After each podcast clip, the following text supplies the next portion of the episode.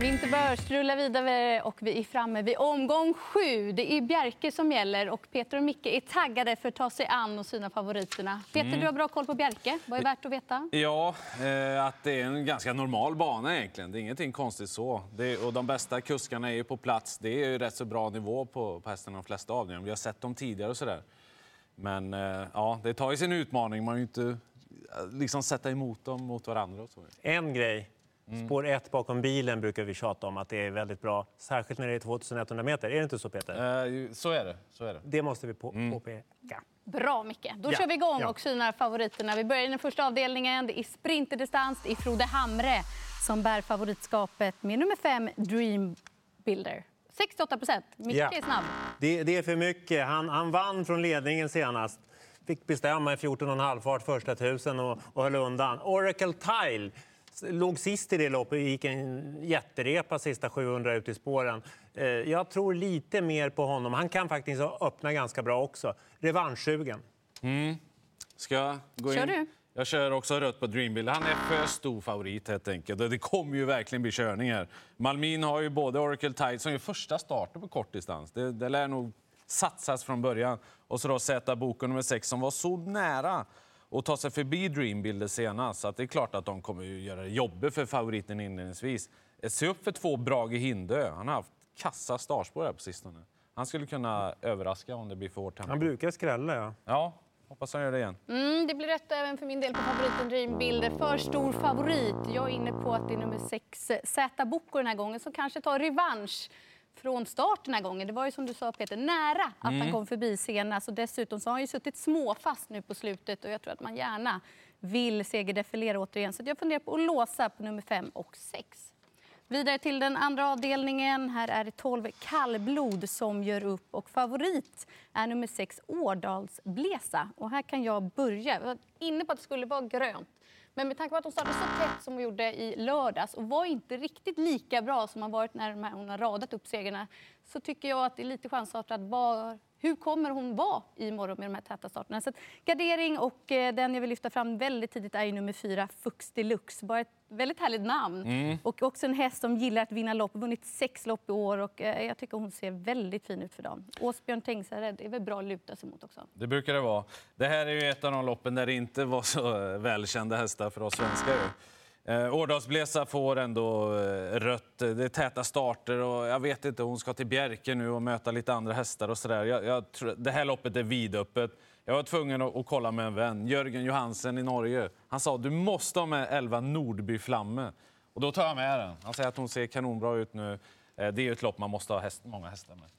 Jag har också fuskat, kollat med den. Ja, det har du. Ja, det var, det var, jag kollade med Even Elvenäs. Okej. Vi är gamla kompisar. Eh, han sa att eh, favoriten, eh, det är billiga vinster, fick stryk senast, eh, inte riktigt lika bra som raden. Han, han varnar för Lycketuva, nummer 10.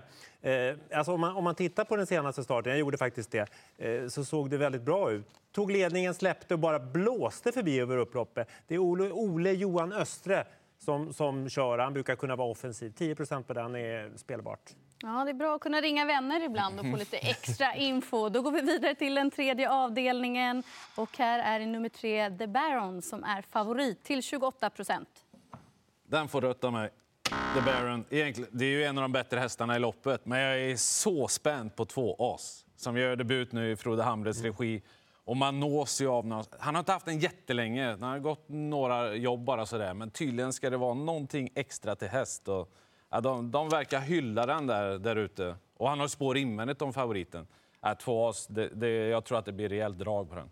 Mm, det kanske det blir, men jag tycker att det tre, tredje Baron var så bra senast. Flög till ledningen då från spår 6 bakom bilen, drog undan ensam där framme hela vägen. Bara försvann i sista sväng. Nu säger ni att då var det 1600 och nu är det 2-1. Satt fast senast med rubbet sparat när det var 2-1. Det kollade jag faktiskt i lopparkivet. Så att det ser ut som att den orkar faktiskt 500 meter till och då tror jag den leder hela vägen. Ja, jag har också gjort mitt jobb i lopparkivet och såg då att den satt fast på 2-1. Men är också inne på att det är så fördelaktigt när det är kortdistans. Det var ett läckert intryck senast, men bör inte vara favorit. Jag tycker också att Frode Hammers nu som gör regi, regidebut för honom, nummer två As, är spännande. Och fyra Starstruck, hon är också riktigt bra i ordning. Jag plockar med henne tidigt. Som har den också. Japp. Vidare till den fjärde avdelningen. Även här är det kallblod som gör upp och det är nio Stumnefyr som är favorit. Nu, nu kan jag börja. Den där vann från ledningen senast, ska gå bakifrån nu och blir oftare tvåa än vad den vinner. Så det, det, det är ingen favorit som jag tror på. Grissle Tore GL vann väldigt lätt i snöoväder senast på nytt banrekord. Jag tror det var en ny regi också. Tog döden 600 kvar och bara åkte förbi upploppet. Det är fyra år den här hästen och det är klart att möter äldre hästar och tuffare hästar nu men måste tas på stort allvar. Mm. Ja, det, det är jag nåtts av också. Jag kommer inte prata om några andra hästar. Det var Even som sa det där. Jag citerar bara honom. Jag, jag drar rött på Stumnefyr. Han, han vinner för sällan. Det är ja, som du säger, han vinner för sällan. Och Grissle Tore GL, inte bara Jörgen som tror på ja. Hela underbara Norge tror på två Grissle Tore GL. Och han såg ju bländande fin ut senast. Mm. Jag hoppas han håller undan. Det låter så. Han, han ser fin ut. Ja, också rätt på favoriten Stumne 4. Jag har en helt annan vinnare här än vad ni har presenterat. Och det är nummer åtta, Stensviks Martin. Har bara en seger i raden, men kolla för tre starter sedan, då var han duktig. Fyra starter sedan, tre bakom Månlycke och Söndre Jerkel. Det är två riktigt bra hästar, det vet vi. Det och den där hästen, nej, det finns någonting där. Dessutom blir det barfota fram den här gången som näst senast. Jag tycker att han är spännande där bakom. Måste man ta den också? Mm, verkar så. Säga varenda gång Sandra har ja. berättat om loppet. Femte avdelningen och här är det ganska så jämnt. Favorit att bedöma är ytterligare en Frode Hamre-häst, sju Carlotta. Vill du börja? Ja, du kan få börja. Sandra har inte fått börja någon gång. Ja, jag kan börja. Jag köper Carlotta som favorit. Men spår 7, lite risk. Var hamnar hon? Hon är rätt mm. kvick här, men det är fler som är snabba invändigt. Så I mina ögon är det här ett garderingslopp och då vill jag lyfta fram en smällkaramell, 3% på nummer två Superb Story. Som jag tycker att det där spännande läget är van att möta rätt bra hästar. Vinner inte alltid jätteofta, men till 3% då är hon given att betala för. Jag drar rött på Carlotta i och med att hon är väl ungefär lika bra som flera av de andra hästarna. Men hon har ett jobbigt utgångsläge. Fem Grand Princess är väl den som jag tror mest på här. Hon har ju fått lite tätare starter inför detta. Skulle hon komma till ledningen då blir det riktigt intressant. Men hon är snabb ut i alla fall, borde få ett bra lopp. Och, och stämmer det, då, då, vinner hon. Rysaren, tre Jetsy Jazz. Hörde någonting om att de skulle vässa till lite med huvudlaget där. Hon kan också flytta på sig första biten. Hon är rätt bra när hon presterar på topp. Jag säger ungefär samma som du. Carlotta hon är ganska bra, men det är inte någon sån här som bara radar upp vinster. Det känns som en halvblöt favorit. Yatzy Jazz går bara i ledningen. Jag tror att kusken bara skriker Banzai och så kör han så länge det går i, mot ledningen. Det är bara det som gäller. Mm. Kommer hon till ledningen, då, då, då kan hon vinna det här loppet. Topp 7-tankar då? Där bakom vinnarna? Eh, ja du, 3-5-7 är högt upp som sagt. Sen eh, är det, det är tufft topp 7-lopp. 12 Electric A är, det är en bra häst, men har ett jäkla dåligt spår. Men den fixar nog en placering bland de sju, det tror jag. Mm, ja, jag, alltså Carlotta är ju en bra topp 7-häst på det sättet att hon alltid presterar, men det är inte givet att hon vinner det här loppet. Nej, går vi vidare till den sjätte avdelningen. Och nu kanske det kan vankas lite gröna tryck. Stole the show är favorit nummer två. Det låter så på dig. Ja, för min del. Procenten är lite hög och det kanske blir så att det sjunker. Men han har varit väldigt bra i Frode Hamnes regi. Jag gillade vad jag såg senast också. Han visat att tål att göra en hel del jobb och har respekt med sig. Jag tror att han vinner. Mm, ja, jag tror också att han vinner. Han är ju bästa hästen här, han har bästa spåret. Och skulle han inte komma till ledningen får han väl ta dem utvändigt mm. då. Nej, det, det, den känns som jag inte funderar så mycket mer på. Nej, det är ju given grönt tryck på den.